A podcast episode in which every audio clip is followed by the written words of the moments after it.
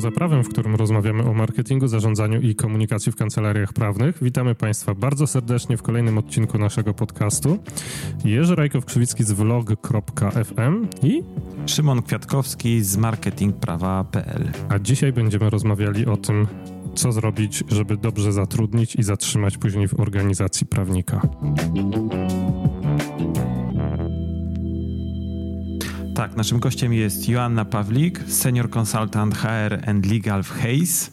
Dzień dobry. E, tak, z Joanną rozmawiamy o najlepszych praktykach w zatrudnianiu i zatrzymywaniu w pracy prawników.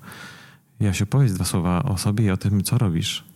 E, w Hejsie zajmuję się rekrutacjami prawniczymi, e, zarówno do kancelarii, jak i dla klienta biznesowego. E, od pozycji tak naprawdę junior do pozycji partner, cancel, a także head of legal, legal manager, także moc, duży rozstrzał tutaj, jeśli chodzi o poziom mhm. stanowisk. Tak, no głównie rekrutacje są to prawnicze. Czyli jeśli ktoś y, szuka prawnika, to do Janny Pawlik, y, do rekrutacji, to Jasia Pawlik na pewno pomoże.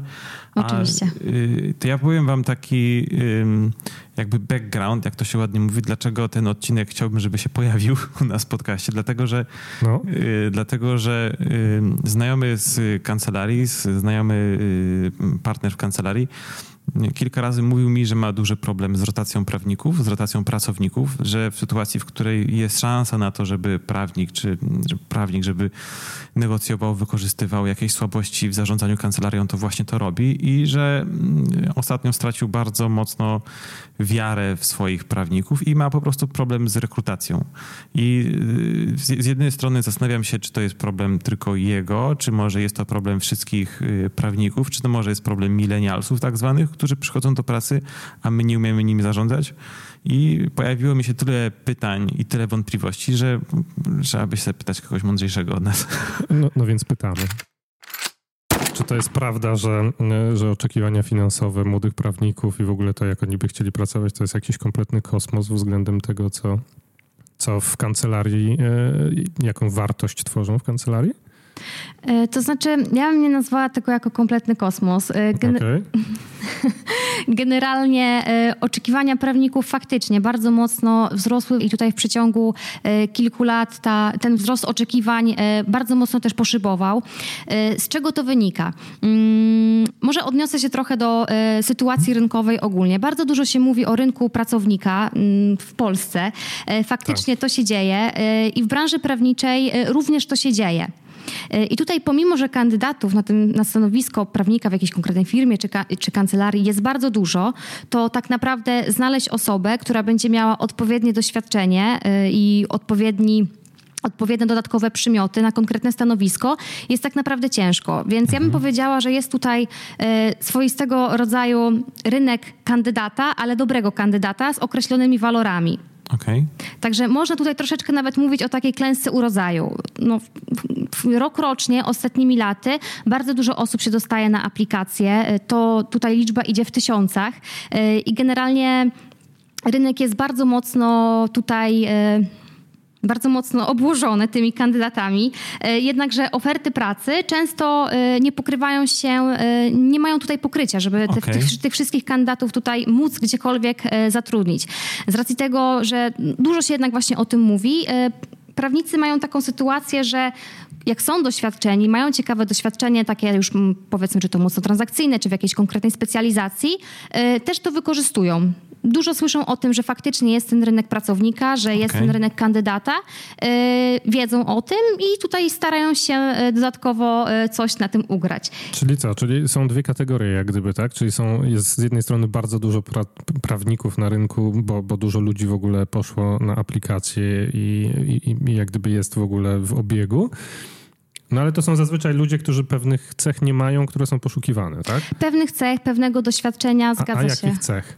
No tutaj y, może najpierw skupiłabym się na doświadczeniu, Dobra. bo tutaj to tak z punktu widzenia powiedzmy pracodawców, którzy chcą y, zatrudniać takie osoby, to tutaj pracodawcy też liczą na to, żeby osoba, która powiedzmy przychodzi do nich do organizacji, przede wszystkim miała doświadczenie. Idealnie jakby to doświadczenie było też e, w takich rozpoznawalnych brandach, w znanych kancelariach, w znanych firmach, żeby też miał jakieś już bogate zaplecze sta stażowe w tych miejscach. Oczywiście język angielski też często najlepiej na poziomie zaawansowanym.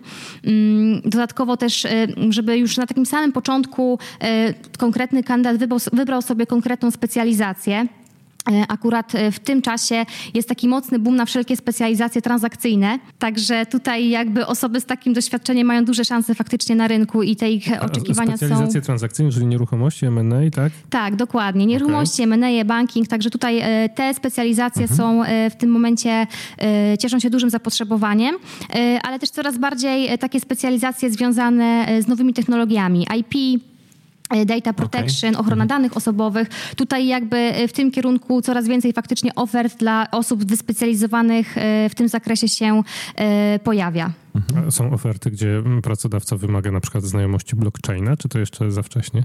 To jest jeszcze za wcześnie. Generalnie okay. tutaj ja na przykład z takimi, z takimi projektami się nie spotkałam. My też jakby jako agencja otrzymujemy profil stanowiska na takim raczej poziomie ogólnym, gdzie jest taki Aha. też zakres obowiązków wskazany podstawowy. Także tutaj niekoniecznie bym szła w tym kierunku. Dobra, no to czyli z jednej strony to są ci prawnicy, którzy, którym jeszcze troszkę brakuje doświadczenia, a z drugiej strony są ci już doświadczeni z pewnymi cechami, które są poszukiwane przez pracodawców i no i co? I, I, oni to wykorzystują, że jest dobry rynek, tak? Tak, zgadza się. Jest na nich po prostu zapotrzebowanie i oni to wiedzą, że jest na nich zapotrzebowanie, stąd też jakby e, mhm. te ich oczekiwania e, są wyższe. Weźmy pod uwagę na przykład mm, rynek pozawarszawski, bo to też trzeba, trzeba odróżnić. W Warszawie jednak przede wszystkim generuje się no, większa część biznesu. No, tak. W dużych miastach Polski jest podobnie, ale to jest naprawdę tylko kilka miast na palcach jednej ręki, można to zliczyć. E, I Poza tymi dużymi aglomeracjami y, jest cała masa bardzo fajnych prawników z bardzo ciekawym doświadczeniem, takich bardzo mocno, mocnych generalistów, którzy y, myślę, że jakby dostali szansę wyspecjalizowania się w konkretnej dziedzinie, to mogliby by y, tutaj faktycznie mm, zaplusować. Mhm, mhm. Tylko, że no, te osoby generalnie jakby nie mają może takiej szansy na rozwój, okay. powiedzmy, na rozwój w tego typu strukturach. Jest, jest też takie jakby mm, jest też takie podejście, że tutaj już od samego początku właśnie e, firmy liczą, żeby przyszła osoba wyspe wyspecjalizowana w konkretnej dziedzinie i faktycznie taka osoba będzie miała wysokie oczekiwania finansowe. No tak. I tutaj właśnie taką może podpowiedzią dla firm, jeżeli tutaj e, firmy twierdzą, że e, to doświadczenie nie jest może, nie pokrywa się tak naprawdę z tymi oczekiwaniami, że te oczekiwania powinny być niższe z punktu widzenia tego doświadczenia, to właśnie moja taka wskazówka, że może warto rozejrzeć się po prostu za osobami spoza rynku warszawskiego, którzy na pewno taką szansę by docenili. I co, i wtedy zatrudnić ich na przykład na zasadzie jakiejś pracy zdalnej? Nie, nie, nie. Tutaj wtedy ewentualnie można myśleć o relokacji takiej osoby i takie A, osoby okay. często pozostają otwarte na relokację. I są takie projekty już, że, że, że, że, jak gdyby szukacie jako firma kandydata poza Warszawą i oferujecie, jak gdyby no w pakiecie w sumie jest to, żeby, żeby, żeby go do Warszawy przeprowadzić? E, to znaczy, powiem szczerze, że e, generalnie zawsze na początku szukamy tutaj na rynku lokalnym, Aha. ale faktycznie, jeżeli e, coś pod, pod jakimś kątem jakby ten projekt się nie spina, czy to właśnie powiedzmy kandydaci mają oczekiwania przekraczające budżet. Faktycznie rozglądamy się e, za osobami spoza rynku, jeżeli tutaj też jest e, otwartość e, na to klienta, bo tak jak mówię, są naprawdę prawnicy ze świetnym doświadczeniem, którzy bardzo dobrze rokują i tak naprawdę wystarczy im dać szansę, żeby wyspecjalizowali się w tej konkretnej dziedzinie. Okej. Okay. A to ja jeszcze trochę pociągnę ten temat, bo tak, e, z Twojego punktu widzenia, e, czy pojawiły się już albo pojawiają się na rynku powolutku projekty rekrutacyjne, w których w ogóle bierze się pod uwagę to, żeby współpracować z bardzo doświadczonym prawnikiem, ale tylko i wyłącznie zdalnie? E, to znaczy, powiem szczerze, że raczej jest tutaj większa potrzeba, żeby te osoby były na miejscu. A czy jakoś pracodawcy, w sensie kancelarie szukające kandydatów, to argumentują czym? Generalnie nie argumentują tego niczym, po prostu tak Mówią, sobie życzą. Tak, tak ma być i proszę okay. siedzieć na tym biurku przez 8 godzin i tyle. Tak, jeśli chodzi o w ogóle możliwość pracy zdalnej, to tutaj e, no, sam, sam ten charakter pracy jest mocno zadaniowy i faktycznie tak. to by miało jakiś sens, żeby ta mhm. praca była zdalna.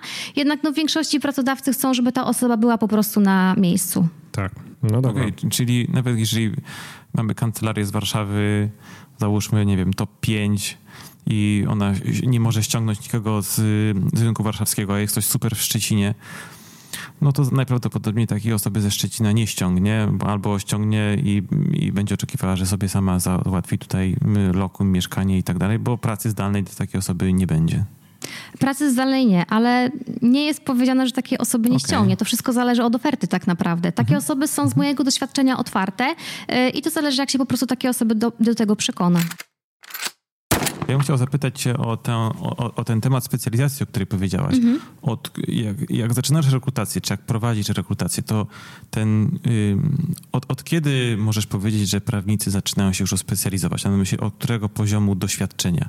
Czy jeżeli rekrutujesz już studentów, to oni już wiedzą, że chcieliby się specjalizować? Czy raczej y, to są ludzie, którzy chcieliby mieć ogólne kompetencje. Kiedy ta specjalizacja się pojawia, wiesz, w głowach y, potencjalnych pracowników? Jeżeli ta specjalizacja faktycznie się pojawia, to to już pod koniec studiów myślę, że można mhm. o tym mówić. E, duże kancelarie proponują różnego rodzaju programy stażowe, gdzie powiedzmy prawnicy, młodzi prawnicy, e, którzy jeszcze są w trakcie studiów, mają możliwość odbycia powiedzmy miesiąca stażu w jednym zespole, miesiąca stażu w drugim zespole, okay. miesiąca stażu w innym zespole i tutaj jakby mogą też już na tym etapie zweryfikować zweryfikować, e, co tak naprawdę preferują i w czym się widzą w przyszłości. Mhm. Także e, kandydaci często już bardzo wcześnie e, zaczynają się specjalizować w konkretnych dziedzinach. Rzadko raczej występuje tutaj jakiego, jakiegoś rodzaju przebranżowienie. Raczej tutaj od początku, jak już obiorą jakąś ścieżkę, to tą ścieżką raczej konsekwentnie idą niż, niż powiedzmy zmieniają profil. Przebranżowienie następuje mm, prędzej powiedzmy z takiego profilu kancelaryjnego na taki profil biznesowy. To tak, okay. ale tutaj jeśli chodzi o taką specjalizację specjalizację, to raczej e, prawnicy, jak już zaczną jedno, to raczej ją kontynuują. Czy takiemu prawnikowi, który już zaczął się specjalizować na wczesnym etapie swojej pracy, jest łatwiej znaleźć potem pracodawcę, czy nie ma to znaczenia? Zdecydowanie. Zdecydowanie łatwiej jest znaleźć takiej osobie mhm. pracodawcę. E, z racji tego, że już no, na takim nawet e, stanowisku juniorskim, często e, poszukując osoby do konkretnego zespołu, jest już te wymaganie, żeby ta osoba miała pierwsze doświadczenia w tym wskazanym właśnie zakresie. Także na pewno jest łatwiej takiej osoby. Więc zdecydowanie polecam tutaj mhm. szybkie wybranie ścieżki. A, albo rzut monetą, jeżeli się nie możecie zdecydować. Dokładnie. Rzut monetą, wiesz, przed samym rozpoczęciem studiów. Na co tak. mam dzisiaj? Mam na co mam pójść? Medycyna czy prawo? Krz, no nie, no tutaj tu bym sugerował się jednak zastanowić, bo na medycynie na przykład trzeba kroić żywe organizmy. No tak, tak. To tak nie każdy lubi to ja mam pytanie o, o rekrutację i o y, jakie są największe y, wtopy rekrutacyjne kandydatów, jeśli chodzi o kandydatów na prawników. Bywa tak, że y, kandydaci aplikują często na stanowiska zupełnie niepokryte z ich doświadczeniem. Ale nie czytają ogłoszeń, czy im się wydaje, że, że, że to w sumie to samo? czytają ogłoszenia. Proszę okay. mi uwierzyć, że czytają ogłoszenia. Czasami jest tak, że faktycznie wydaje im się, że to samo, czasami jest po prostu brak zrozumienia konkretnego ogłoszenia, czy to mhm. jest w języku angielskim napisane i też nie do końca zrozumieją, czy powiedzmy y, jest jakiś właśnie wskazany mm, konkretny, konkretny profil, konkretna specjalizacja, której nie znają i tutaj twierdzą, a nuż tym razem może się uda. Także y, raczej bym traktowała to może nie w kategorii w top, ale właśnie takiego braku zrozumienia tych ofert, co czasami faktycznie może być w jakiś sposób ciekawe. Ja miałem taką wtopę, słuchajcie, na rozmowie rekrutacyjnej, czyli to nie, to nie była moja wtopa, tylko wtopa pracodawcy. To był jeszcze czas, kiedy yy, jeszcze byłem na aplikacji, i szukałem pracy jako prawnik i przyjechałem tutaj do Warszawy na rozmowę rekrutacyjną jednego z ubezpieczycieli do, jako in-house, do, do pracy w biurze. I rozmawiam sobie z jakąś panią, i zapytała się mnie pani, czego bym chciał się napić. No powiedziałem, że chciałem się napić herbaty i dostałem też cukier do tej herbaty, mm -hmm. który posoliłem sobie herbatę i okazało się, że cukier nie był cukrem, tylko był solą. Ups. I wiesz, i dostałem wiary łyk i, i mnie wykrzywia, wiesz, nie wiem o co chodzi. Potem się orientuję, patrzę, że to rzeczywiście nie jest cukier, to nie są kryształki cukru, tylko widać, że to jest sól. I, I, zastanawiam się, czy do, do, dzisiaj myślę, czy to, był, czy to był y, myk od pracodawcy, żeby sprawdzić, jak się zachowam, bo powiedziałem, że dostałem, chyba ktoś tu się pomylił. Teraz poproszę, już nie chcę herbaty ani cukru, proszę wodę. To, to był test na to, jak radzić tak. sobie w sytuacji stresowej. Tak. tak. I zastanawiam się, czy takie rzeczy się dzieją, to, to ten mój przypadek był odosobniony, czy, czy rzeczywiście się tak testuje y, w taki dość głupi sposób. Y, mm, myślę, że w branży prawniczej to skupia się po prostu na merytoryce i tutaj no, no, nie testuje się w ten sposób. Czyli mogę przyjąć, że to był przypadek po prostu. Tak, proszę przyjąć, że to był przypadek tutaj. Myślę, że się ktoś pomylił po prostu. Aczkolwiek ja miałem też takie trochę przeżycia tego typu, znaczy może nie tego typu, ale jak zaczynałem też e, swoją karierę zawodową taką poważną, to, to poszedłem kiedyś na rozmowę o pracę, na której no tam jakaś była wymiana telefonów jeszcze wtedy, bo wtedy e-maila to tak mało kto używał. I, e, I pani, do której przyszedłem e, na, na, dzień dobry, pierwsze pytanie, które mi zadała, to było w ogóle, po co pan do nas kandyduje? mówię, no, że, żeby pracować u was. No ale przecież ma pan takie wykształcenie, że pan do nas nie pasuje. No to dlaczego pani się ze mną w ogóle umówiła? Albo chciałem zobaczyć, jaka jest pana motywacja, żeby przyjść do nas pracować. Co za bzdura. No nie powiem, jaka firma, bo ta firma jeszcze istnieje, ale... Mm, raczej w branży prawniczej nie otrzyma się pytania, jakim jesteś naczyniem i tak dalej. Okej. Okay. Aczkolwiek a wr- no, Zwierzęta też nie pytają, jakim zwierzęciem... Nie, by, tutaj y, skupiamy się totalnie na merytoryce i to jest najistotniejsze, także... Tim Ferris pyta w podcaście, jakim duchowym zwierzęciem jesteś, czy tam w książce ma swoim, jakim jesteś duchowym zwierzęciem. Naprawdę? Tak. No jak... nie, nie doszedłem do tego miejsca. No to przeczytaj sobie, y, przeczytajcie sobie i Tools of Titans, czyli no ja zacząłem, no to jest takie grube, że to mnie przeraża. No, tam, nie, wiesz, nie, nie przeczytałem wszystkiego. Te, te, ciekawsze tam jest zawsze pytanie o tego. Wracając jeszcze może do takich śmiesznych sytuacji, to tak, mogę no. opowiedzieć taką, co mi się ostatnio przydarzyło. Akurat poszukiwałam e, specjalisty do spraw ochrony danych osobowych i dostałam CV od osoby e, pracującej wcześniej w ochronie. Więc skazana no. osoba, skoro stwierdziła, skoro może ochraniać ludzi, może też ochraniać dane. A, okay. Spoko.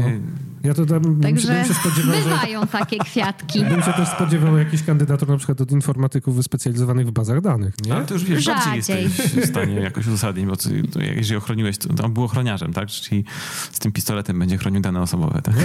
Akurat w branży prawniczej jednak większość aplikacji pochodzi od osób z branży prawniczej, e, z tym, że właśnie no, w większości często jednak bywa tak, że te, te te życiorysy nie są po prostu e, kompatybilne z oczekiwaniami stawianymi w ogłoszeniu.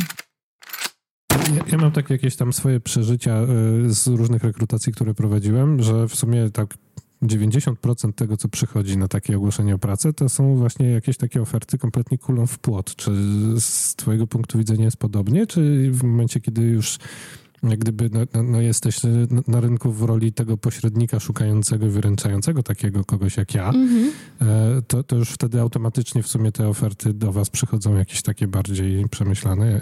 Jaki jest odsetek? To znaczy nie chciałabym tutaj y, mówić procentowo z racji, że nie przeprowadzałam w tym zakresie Aha. żadnych badań, ale jest to na pewno zdecydowana większość. Tak. I generalnie poszukiwanie, poszukiwanie prawników na y, poszukiwanie prawników na portalach ogłoszeniowych, popularnych portalach ogłoszeniowych zazwyczaj jest po prostu mało efektywne. Spływ właśnie z takich ogłoszeń jest bardzo duży, w większości przypadków nietrafiony. I wychodzą takie kwiatki, o jakim wspomniałam właśnie tak, wcześniej. Tak. No dobra. To, to, ja tak właśnie też chciałem, chciałem zasugerować, że właśnie, czy to jest tak, że, że, jest, że dzisiaj dosyć łatwo jest wysłać CV, w związku z tym nie do końca się trzeba zastanawiać, faktycznie. na co się wysyła. To są dwa tak, faktycznie no. jest łatwo. Wystarczy wcisnąć czerwony przycisk aplikuj i już jest się w bazie, w bazie klienta. E, jednak nie w tej łatwości dopatrywałabym się tutaj e, tej e, ilości takiego spływu dużego na te ogłoszenia. Akurat no, w przypadku branży prawniczej bardziej jednak skłaniałabym się ku temu, że jest to mm, właśnie spowodowane tym, że tych prawników jest na rynku bardzo, bardzo dużo i nie ma po prostu dla nich pracy, nie ma pracy dla wszystkich, w związku z czym no już czasami jest tak, że po prostu chwytają się ostatniej deski ratunku i aplikują mhm. po prostu na wszystkie ogłoszenia, jakie pojawiają się w sieci. Okay. To tak na fali tego, co dzisiaj powiedziałaś i na fali tego, co powiedzieli nasi ostatni goście, e, e, to proponujemy się wyspecjalizować i e, jakoś zacząć istnieć w internecie, pokazywać się zawodowo i Bardzo. opowiadać o swojej jakiejś, nie wiem, swoich zainteresowaniach na przykład zawodowych, nie? Dokładnie. Bardzo istotne jest, aby posiadać biznesowe media społecznościowe. Ważne jest, żeby dać się zauważyć. Wspom no, wspomniane wcześniej media typu znane bardzo LinkedIn, Golden Line. Tutaj jakby warto je mieć. E, tu już nie wystarczy tylko wskazanie samego imienia i nazwiska. Mhm, mhm. nie wystarczy wskazanie same, samej pozycji u aktualnego pracodawcy tutaj no, warto jednak wpisać doświadczenie, rozpisać doświadczenie, pochwalić się sukcesami, wskazać realizowane projekty, dać się zauważyć. Okay, po prostu być aktywnym, tak? Dokładnie. Udzielać się, fora tematyczne, grupy, jak najbardziej. I, to, i wy to przeglądacie? Jak najbardziej. Wow, dobrze. I jak ktoś na przykład na LinkedInie napisze, bo tam na LinkedInie mało kto, mam wrażenie, w Polsce korzysta z takiej funkcji, że, że tam może opisać projekty, które ostatnio prowadził. Mhm. Co myślę, że w przypadku prawników mogło być super po prostu opcją pokazania właśnie swojego doświadczenia, czy no, czy jakiś tam swojej, powiedzmy, za, zalążków swojej specjalizacji, albo po prostu specjalizacji dla kogoś, kto już ma kilka lat doświadczenia. Dokładnie, warto się tym chwalić. A z Twittera też korzystacie? Ciekaw jestem właśnie. Z... Rzadziej, tutaj okay. rzadziej. A czy to jest tak, że zobacz, chcesz zarekrutować jakiegoś prawnika, znajdujesz go na LinkedInie, sprawdzasz sobie, jak on się tam jak on wygląda, a potem weryfikujesz to samo na przykład na fejsie albo na Instagramie, żeby zobaczyć, czy to jest prawda, albo czy wiesz, czy zobaczyć w jaki sposób ten twój potencjalny pracownik poza pracą się zachowuje. Czy to w ogóle jest weryfikowalne? Czy, czy w żaden tam... sposób to nie jest weryfikowane, bo tak naprawdę dla naszych klientów to nie ma znaczenia, jak, jak dana osoba prowadzi mhm. swoje konto na Facebooku, na Instagramie. Tu się liczy przede wszystkim doświadczenie, merytoryka i to, co ta osoba ma w głowie. No patrz, chodzą takie legendy, że tak. wchodzą na tego fejsa i że w ogóle nie zatrudniają, bo, bo, bo tam zobaczą, że ktoś Myślę, wiem, że w tej branży branży, to znaczy myślę, że w tej branży kandydaci są na tyle samozachowawczy, że po prostu też nie ma takiej potrzeby. Właśnie, to może jest kwestia branży, bo w IT to na przykład... Być może, być może. Ja, jest, ja jestem wyspecjalizowana w rekrutacjach prawniczych i tutaj ja nie mam takiej potrzeby. No okay, dobra, cenna okay. wiedza dla naszych tutaj tak, tak słuchaczy. Tak, ale też yy, z jednej strony cenna wiedza, a z drugiej strony lepiej na fejsie yy, być Szymon, nie wchodźmy na tę dobra, drogę, bo ja ci powiem, że lepiej nie być na fejsie. I, I, lepiej skasować Instagram. Ale o tym będzie następny tak. odcinek naszego podcastu.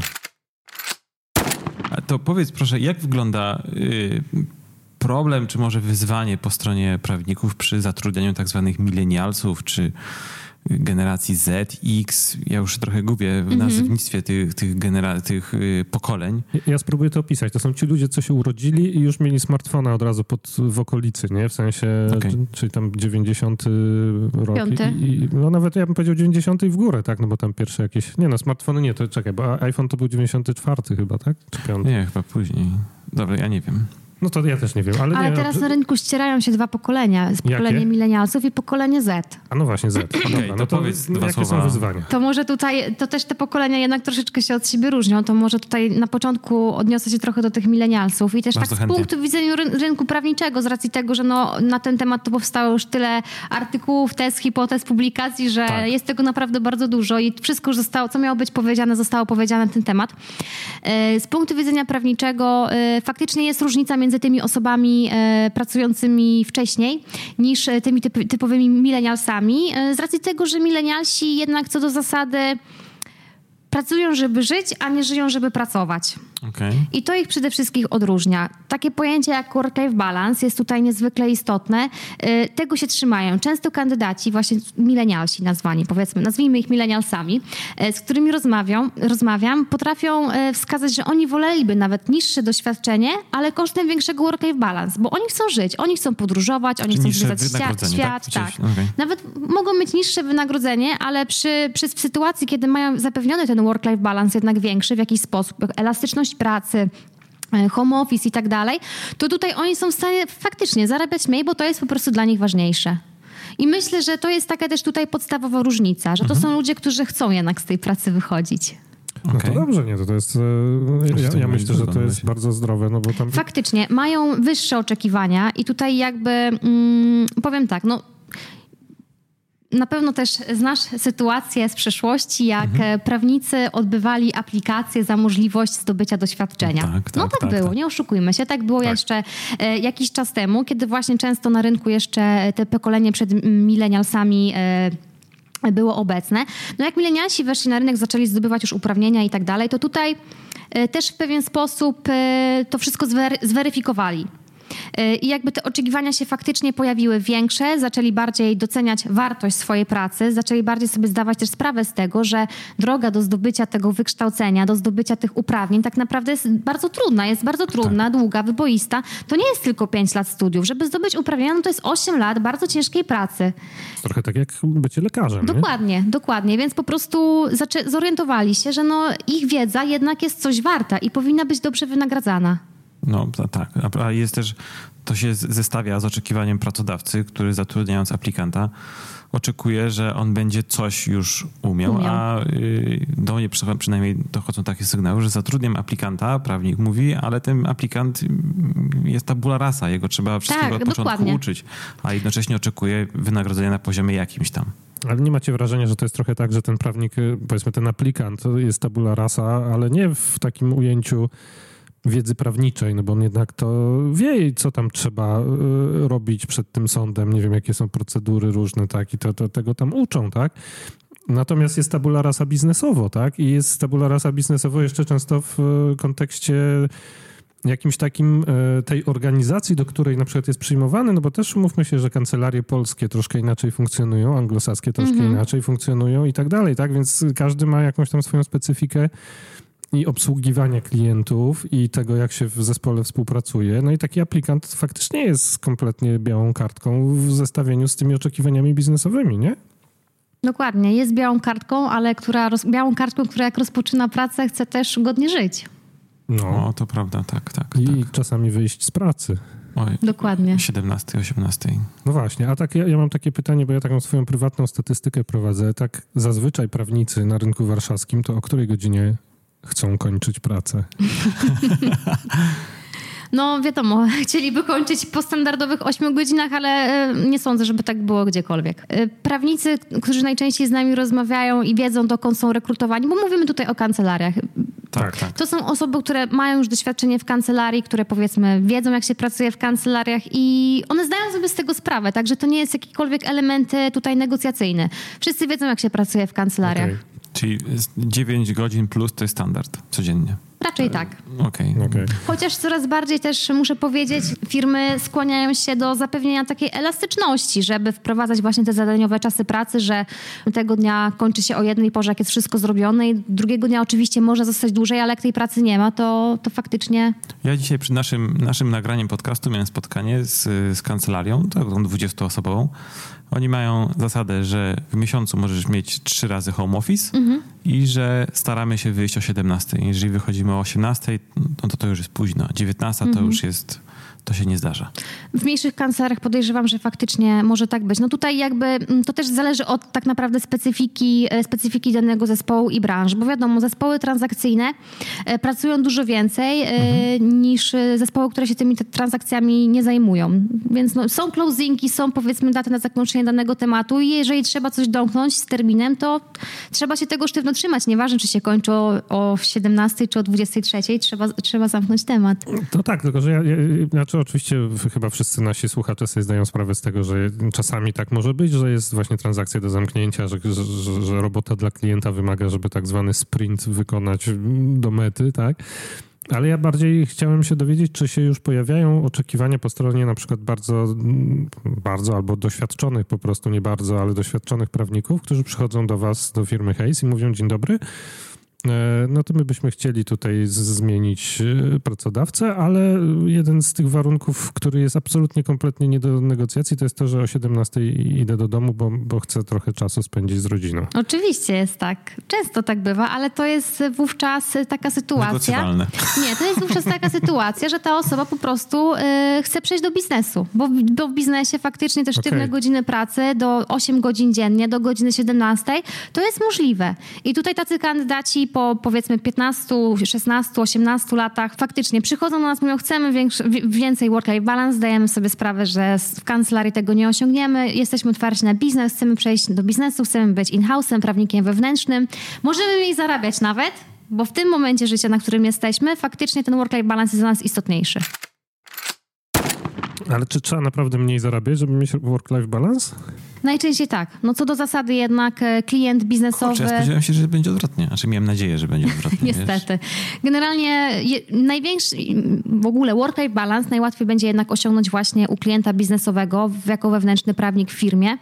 E, ale jednak no, takie firmy płacą in-house mniej niż na tych, samych, na tych samych poziomach stanowiska niż w kancelariach. I no to tak. jest no. standard. I prawnicy mhm. o tym wiedzą. To nie jest nic nowego. Ja się zastanawiam, czy większy work-life balance nie przełożyłby się na większą efektywność pracy prawnika? Według duńskich badań tak. Aha, a my się opieramy na amerykańskich. Musimy, tak. Czy na polskich. Trzeba było przeprowadzić takie badania w Polsce.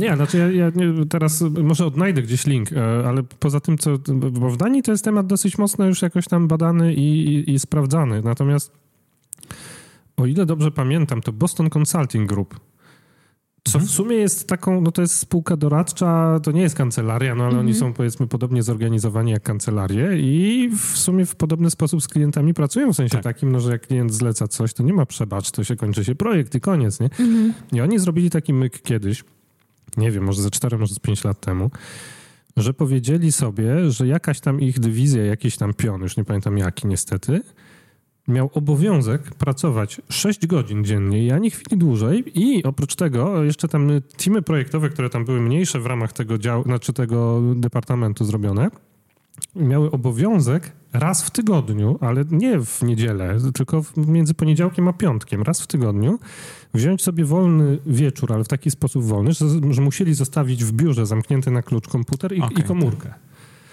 I oni to badali chyba przez rok. I po roku, i to było też w różnych miejscach, ponieważ oni mają bardzo dużo biur na świecie, no to zasadniczo tam badali to w, w różnych krajach mhm. na raz przez rok. Ale w tym jednym właśnie departamencie. No i im wyszło, że e, i badali później, w sensie pytali klientów.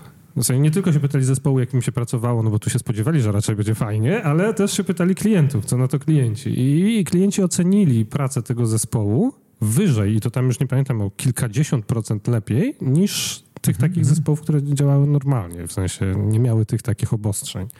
A jak myślisz, jak myślisz, z czego to może wynikać? No z tego, że człowiek wypoczęty lepiej myśli na no, przykład, tak? Właśnie, tak?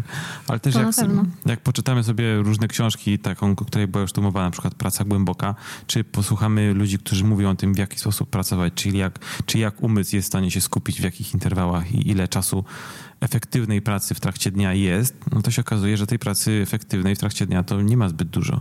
Znaczy ja myślę, że tutaj jest zupełnie co innego, w sensie takim, że w tych firmach no, nikt się nie będzie tam zastanawiał za bardzo, jak ktoś jest zorganizowany. Znaczy, no, no oczywiście wiadomo, że są różne organizacje, no, tak. niektóre bardziej mają to przemyślane, niektóre mniej, ale zasadniczo to jest odpowiedzialność pracownika, czy on jest, u, umie ogarnąć swoją to-do listę, czy nie, tak? Mm, natomiast tutaj myślę, że w tym badaniu Boston Consulting Group bardziej ważne było to, że właśnie, że zmuszano ludzi do tego, żeby się jednak odłączyli od pracy. Fajny nie? przymus. Dobry, dobry, dobry przykład. Żeby właśnie poszli się przejść na miasto, żeby mm -hmm. posiedzieli trochę z rodziną i żeby nie było tego, bo to też wydaje mi się, że trzeba mieć siłę charakteru, jeżeli tutaj leży komórka ta pracowa i ty jesteś w trakcie projektu i ty wiesz, że tam coś jest tak. w inboxie, nie? to trzeba być bardzo mocnym w sensie w siłę woli, tak, człowiekiem, żeby nie sięgnąć żeby i nie sprawdzić, nie a co tam jest, bo może jednak coś mnie zaskoczy jutro rano, tak?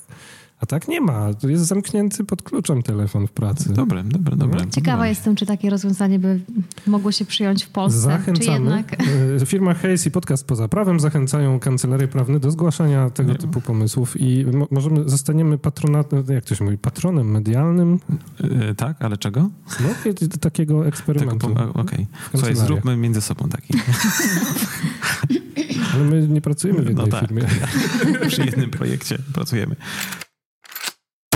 Jasiu, powiedz wobec tego, przejdźmy trochę dalej i chciałbym zapytać co, moty co motywuje prawników? Oprócz, czy w ogóle jeszcze jest taki model motywacji w stylu kija i marchewki, że zrobisz ten projekt szybciej, to będziesz miał większe wynagrodzenie, albo zrobisz ten projekt szybciej, to stanie, stanie się coś, a jak nie zrobisz, to stanie się coś innego, czyli wiesz, taka mhm. czysta nagroda i kara, kij, marchewka. To znaczy tutaj, jeśli chodzi o motywację, to na pewno duże znaczenie mają jednak pieniądze. Wynagrodzenie jest czymś, co tak naprawdę w dużej mierze motywuje i kandydaci też tego wcale nie ukrywają.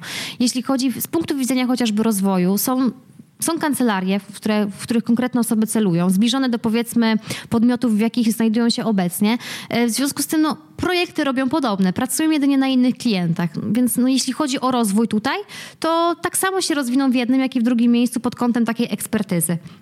E, także tutaj pieniądze na pewno mają znaczenie. Jeśli druga kancelaria jest w stanie po prostu za tą samą pracę zapłacić więcej, to ich motywuje. Co więcej, e, motywuje też, e, wiadomo, zapewnienie takiej możliwości rozwoju, ale już na samym początku. I to też jakby może mm, w jakiś sposób powstrzymać trochę tę karuzelę kadrową, bo tutaj, jeśli chodzi o właśnie mm, zapewnienie takiego rozwoju, to bardzo istotne jest, żeby taka osoba, która na początku przychodzi do organizacji, już wiedziała, jak będzie wyglądała jej ścieżka kariery, jak to będzie usystematyzowane, od czego zależy, żeby ona poszła wyżej, bo taka osoba też na bieżąco będzie mogła weryfikować swoją pracę. I co, i to, to z takimi konkretnie oczekiwaniami przychodzą kandydaci, tak? Tak, często tak się zdarza, że im tego brakuje. Bardzo często kandydatom brakuje też takiego bieżącego feedbacku. Ja chciałbym pociągnąć ten temat jeszcze wynagrodzenia, bo przecież od któregoś momentu... Yy dodatkowy tysiąc czy dwa tysiące na mhm. wynagrodzeniu no już nie jest takim wielkim motywatorem, czy ja będę miał ten tysiąc, czy nie, zarabiając kilkadziesiąt. No tak, od pewnego, ma, od wiesz, pewnego momentu to faktycznie, nie? to faktycznie nie jest e, motywatorem. Bardziej wówczas na, na pewnego jakby, na, na, pewnym poziomie stanowisk faktycznie te pieniądze nie są już najważniejsze. Tu bardziej mówimy o takich e, juniorach, asocjatach, seniorach, to faktycznie to się liczy, ale już na pewnym poziomie, już nawet wspomniany przed chwilą senior, to takie rzeczy faktycznie już nie mają znaczenia z racji tego, że te różnice, nawet jak są, to nie są przy takich kwotach na tyle istotne, żeby, żeby tutaj e, miały na to wpływ. To co jest motywatorem poza pieniędzmi? Na przykład brak szklanego sufitu. Okej. Okay. Jednak w wielu miejscach szklany sufit, y, szklany sufit istnieje i kandydaci już na pewnym poziomie wiedzą, że już wyżej nie pójdą. Okej, okay. okay, czyli co, czyli przychodzą i mówią, no to teraz y, proszę mi znaleźć kancelarię, w której będę mógł zostać za trzy lata wspólnikiem, tak?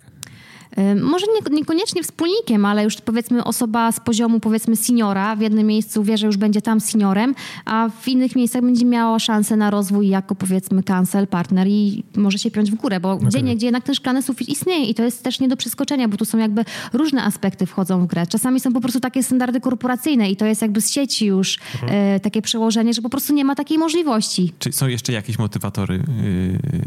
Na przykład e, charakter prawnika, z którym się będzie pracowało. E, to znaczy przełożonego, czy... No tak, no w albo, sensie szefa. Albo teamu. Szefa albo kogoś z teamu, nie? No bo to, tak, to, to na pewno też w jakiś sposób jest e, istotne. Często kandydaci, jak e, prowadzą rekrutację na stanowiska prawnicze, pytają mnie, kto jest menadżerem konkretnego zespołu i tutaj ewentualnie z kim będzie ta współpraca, do kogo będzie raportowanie. Ja już mając konkretny projekt też mogę im powiedzieć, z kim będą współpracować i to środowisko też jest na tyle hermetyczne, Oni wiedzą, kto że, jest, że kto jest ci fajny. ludzie się po prostu znają, tak. I też mają jakby ukształtowane często na jakiś temat opinie, a tak naprawdę menadżer może bardzo wiele powiedzieć o zespole, bo generalnie jest duchem tego zespołu. No tak, no tak, tak, tak. Także to też jest istotna informacja yy, i faktycznie często, czasami, może nie często, ale czasami bywa tak, że yy, kandydat dowie się, kto jest powiedzmy, jaka to jest kancelaria, czyli to zespół i wtedy, wie, wie pani co, pani no, no niekoniecznie, bo ja tutaj słyszałem, że tutaj w tym zespole to tak nie bardzo. I wtedy żadne pieniądze nie przekonają. Tak, tak. A mi zależy na dobrej atmosferze. O, no proszę, ja się Bo właśnie... a dobra atmosfera też jest bardzo istotna. No tutaj generalnie w pracy spędzamy y, mm, bardzo dużą część życia, tak, co do zasady. W branży prawniczej tego czasu w pracy się spędza jeszcze więcej, dlatego ta dobra atmosfera w zespole też jest mocno istotna. Mhm, no bo mhm. jednak większość dnia się spędza z tymi ludźmi. Czyli chodzi o ludzi, czy chodzi o to, że, żeby był dobry bilard na przykład tam w okolicy kuchni? Albo trambambula przy tej, przy Myślę, że raczej chodzi o ludzi. No, to dobrze, uf. Tak. No, ja Na bilard można ja, ja sobie lubię, wyskoczyć. Ja, ja lubię gdzieś tam indziej. PlayStation. Albo, albo rzutki, albo PlayStation. Nie, rzutki, rzutki byłyby spoko. Nie, bo wiesz, to też takiego ducha rywalizacji włącza trochę. Aj? No właśnie, no tak, tak. No bo zobacz, bo masz, masz takich, y, takie kancelarie, które mają dość tradycyjny model, ale jeśli, jeżeli, jeżeli spojrzymy na firmy IT, startupowe, software house'y, to tam modele motywacji są zupełnie inne i y, totalnie też pozapłacowe. Znaczy jest, jest dużo motywatorów, które nie są związane z wynagrodzeniem. No, są wyjazdy, są szkolenia, są... Bo wynagrodzenie tutaj już nie zachęca w tej no, branży. Szczególnie w IT, nie? Tak. No, szczególnie IT, tak. I, I, tam łatwość przejścia... Tak, więcej. Łatwość przejścia między jedną, jedną, jedną firmą IT a drugą jest tak, tak. Jest, jest bardzo duża. No też nie ukrywajmy, w branży IT pra pracownicy pracują najczęściej projektowo, to jest na konkretny projekt, na tak. konkretny tak. czas. Mhm. No jednak dobrze by było, żeby e, no, takie, takie, takie, taka projektowa praca do kancelarii nie weszła, no bo to, tak. to nie, nie wyglądałoby do końca no wtedy chyba. To nie wiem, czy to się nie skończy Ale tak faktycznie kiedyś. może to wpójść w tym kierunku, że kancelarie będą zatrudniać prawników na przeprowadzenie konkretnego badania due diligence na przykład. No. Także zobaczymy. Dobra, to ja bym chciał wrócić do tego, mm, e, do, tak, do tak. tematyki feedbacku. Bardzo istotny temat. Jak dobrze dawać mm, pracownikowi feedback tak, żeby no, żeby było dobrze, tak? Żeby on był dobrze odebrany przez pracownika, żeby... Żeby był zrozumiany. Żeby był zrozumiany, żeby mm, no, nie było jakichś tam dziwnych, emocjonalnych e, akcji. Czy lepiej to robić na przykład podczas e, rozmowy takiej bardzo formalnie przeprowadzonej raz do roku, czy raz na pół roku, czy raczej podczas lunchu, czy... Powiem tak, na pewno często. Taki często. instant feedback, jest to e, bardzo istotne, e, taki szybki feedback właśnie. No wiadomo, takie rozmowy półroczne, roczne są również bardzo istotne, ale na takich rozmowach można bardzo wiele rzeczy zapomnieć, szczególnie tych dobrych. No, to prawda. Bo te dobre się raczej zapomina, najbardziej to się pamięta te złe. E, w związku z czym warto chwalić, bo takie chwalenie pracowników za, za, zrobienie konkretnej czynności buduje przede wszystkim motywację i dobrą atmosferę. Warto chwalić przy kawie, przy, przy wspólnym lunchu, na forum powiedzieć, że konkretna osoba zrobiła coś dobrze bo taka osoba y, doceniana w swojej obecnej organizacji, jak mhm, dostanie mhm. nową ofertę, dwa razy pomyśli, czy tam będzie równie doceniana. Mm, Także warto tak. ten feedback y, udzielać często przy każdej możliwej okazji. Również tak samo jak y, miał być ten feedback negatywny. Jeżeli powiedzmy jest jakaś czynność, która została powiedzmy może nie do końca zrobiona tak jakby, tak jakby pracodawca chciał, warto o tym powiedzieć od razu, niż czekać, aż to się wszystko napiętrzy. Czyli pozytywny feedback, jeśli dobrze się zrozumiałem, dajemy tak szybko, jak to możliwe. Zresztą Ale to samo też. z negatywnym, mhm. bo jeżeli jest jakaś sytuacja, to warto tutaj powiedzieć też od razu, że faktycznie coś takiego się wydarzyło i ta osoba, ten, ska ten, ten skazany pracownik, który taki feedback negatywny otrzymał, może też jakby zweryfikować swoje działania. Może okay. To go może zmotywować, żeby jednak zrobić coś lepiej, żeby jednak pokierować swoje działania w innym kierunku no to jest na pewno lepsze niż dawać taki feedback na koniec, kiedy praca jest wykonana i teraz wszystko trzeba za, zaczynać od nowa. Także jak najbardziej na bieżąco. A powiedz mi, wyobraźmy sobie, że mamy kancelarię, która jest, nie wiem, 20-osobowa albo zespół mhm. 20-osobowy w większej kancelarii. To w jaki sposób y, usystematyzować dawanie feedbacku w takim y, zespole, tak żeby każdy dostał feedback, bo możemy sobie wyobrazić, że siedzę sobie z kumplem czy z koleżanką w jednym pokoju, mhm. czy jest nas więcej i ktoś dostał pozytywny feedback, a ja, mnie się wydaje, że się narobiłem jak dziki wół, a tu nikt nie zauważa mojej pracy i tego feedbacku nie ma. Jak usystematyzować dawanie dobrego, dawanie w ogóle feedbacku w pracy? Mhm. No generalnie na bieżąco starać się też weryfikować ich pracę. Okej. Okay. I tutaj robiąc, powiedzmy, jeżeli wskazana osoba robi konkretny projekt, to też oceniać tę pracę na bieżąco, w miarę okay. możliwości oczywiście. Aha. I tutaj e, wówczas podejrzewam, że e, na pewno jakieś zdanie, opinia na temat tej wcześniej wykonanej pracy po prostu się pojawi. Okej, okay, okej, okay, dobrze. Czyli tylko po prostu nie zapominać, powiedzieć dziękuję, dobra robota. Dokładnie, ale często też w, kan w kancelariach jest tak, że jednak jest ta pewna struktura korporacyjna, gdzie e, powiedzmy jest jeden menadżer zespołu i to nie jest tak, że on nadzoruje pracę merytoryczną wszystkich pracowników. To jest często też tak, że osoby na wyższym szczeblu tej drabiny korporacyjnej też mają pod sobą jakieś niższe stanowiska, których no pracę tak. merytoryczną nadzorują. Także tutaj to też to jest często też usystematyzowane po prostu. Mhm, mhm. A negatywny feedback? Jak dajemy negatywny feedback? Czy to rozumiem, że takiego negatywnego feedbacku nie możemy dać na forum, tylko raczej w rozmowie tak, face to tak. face? Absolutnie, absolutnie nie można, nie można tutaj na forum dawać takiego feedbacku, bo to z kolei bardzo psuje atmosferę i tej mhm. osobie bardzo wtedy spada motywacja.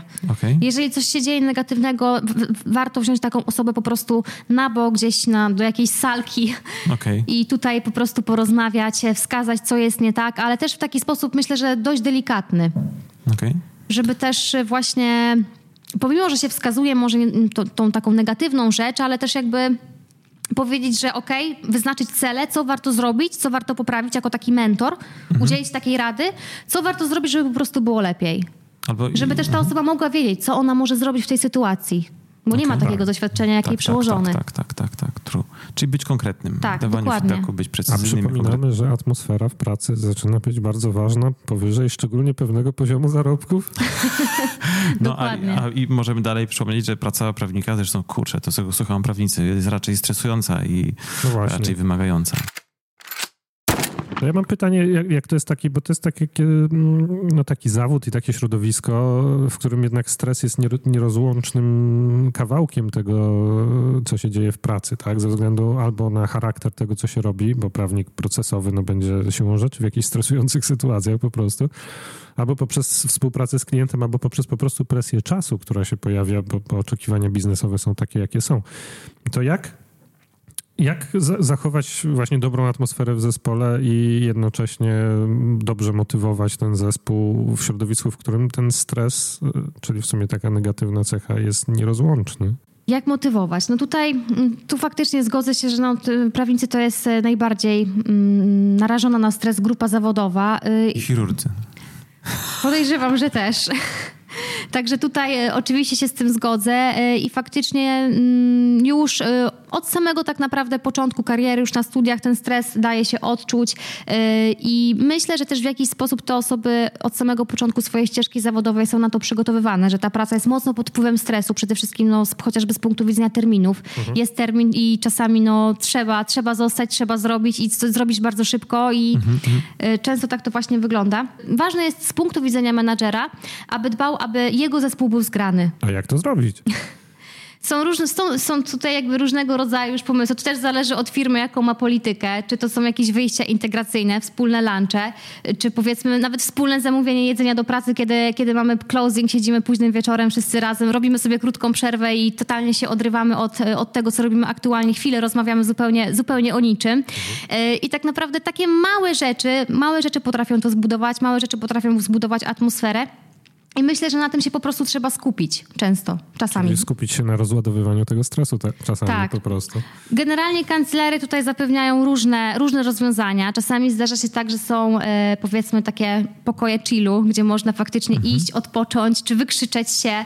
E, są pokoje, gdzie są organizowane czy jakieś gry planszowe, czy piłkarzyki i tak dalej. To tutaj... a, a możesz powiedzieć, w której kancelarii jest pokój do wykrzyczenia?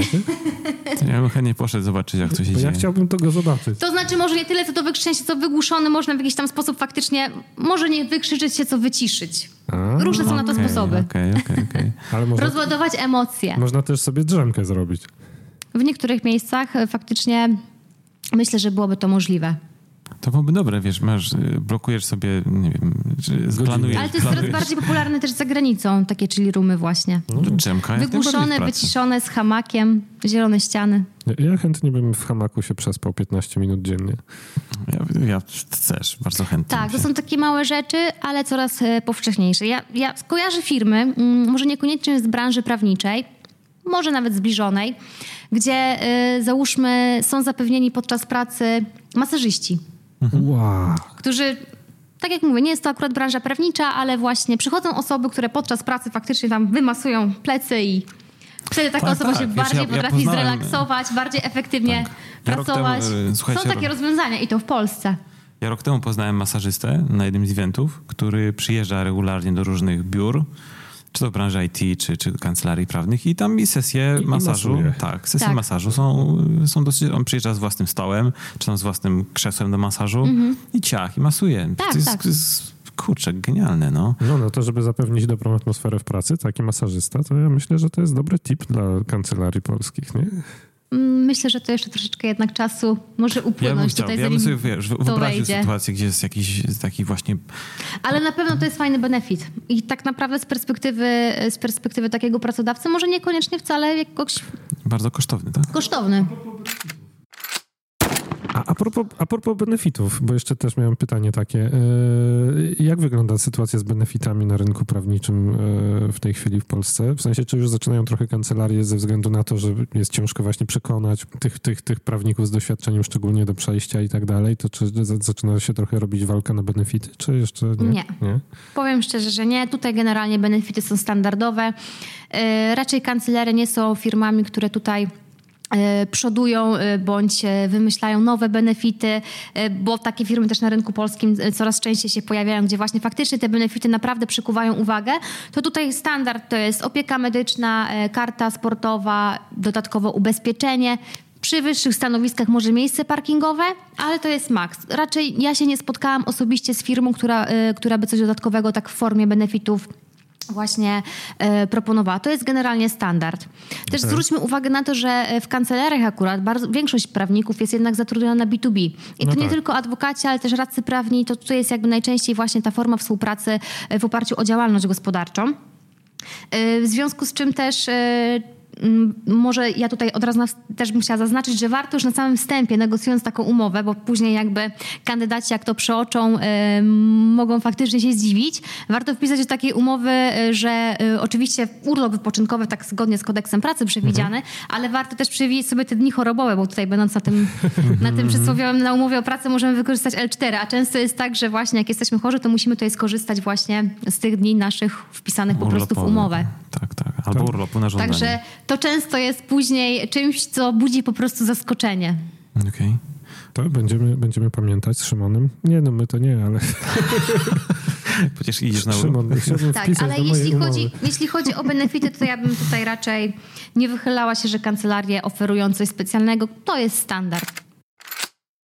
Myślałem, że powiesz mi, że są na przykład sesje medytacyjne, sesje jogi, wspólne wydarzenia sportowe. Może w tym, w tym kierunku tak, ale raczej to są takie, to są rzeczy, które faktycznie z jednej strony mogą być postrzegane jako benefit, z drugiej mhm. strony niekoniecznie, bo tak naprawdę nie wszyscy chcą z tych rzeczy korzystać. To jest jakby benefit dla określonej grupy osób, w związku z czym no, nie wszyscy lubią biegać, tak? A nie wszyscy lubią żeglować, czy nie wszyscy no, powiedzmy... No tak, oczywista sprawa. Dokładnie, także e, faktycznie takie rzeczy są coraz częściej organizowane, właśnie wspólne wydarzenia, jakieś branie udziału czy to właśnie w biegach firmowych i tak dalej.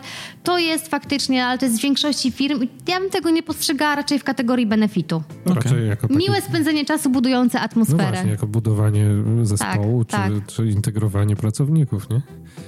No dobrze, e, to tak na sam koniec chciałbym Ci zadać jedno pytanie e, i poprosić e, o to, żebyś takim powiedzmy młodym prawnikom, którzy wchodzą na rynek pracy, dała jedną rekomendację, co warto zrobić, żeby się zahaczyć w takiej kancelarii, która zazwyczaj przychodzi do firmy Hayes i mówi, no to tu szukamy, szukamy prawników.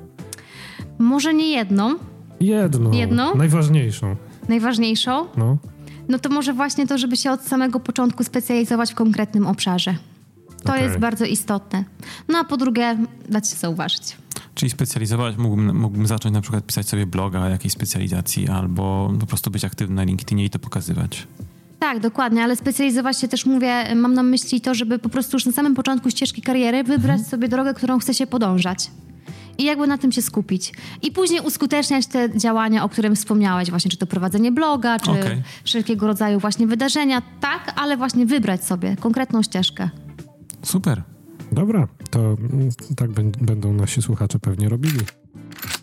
Naszym gościem była Joanna Pawlik, senior consultant HR and legal w Hayes. Asia, bardzo Ci dziękujemy za dzisiejsze Dziękuję nagranie. również. Dziękujemy.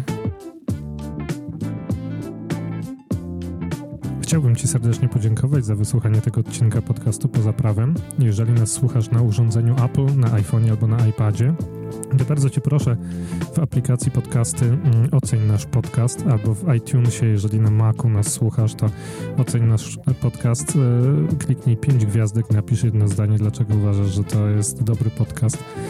I, e, no i najlepiej podziel się wiedzą o tym, że ten podcast istnieje z kimś, kogo lubisz i kto Twoim zdaniem mógłby skorzystać na tych treściach, które w podcaście poza prawem poruszamy.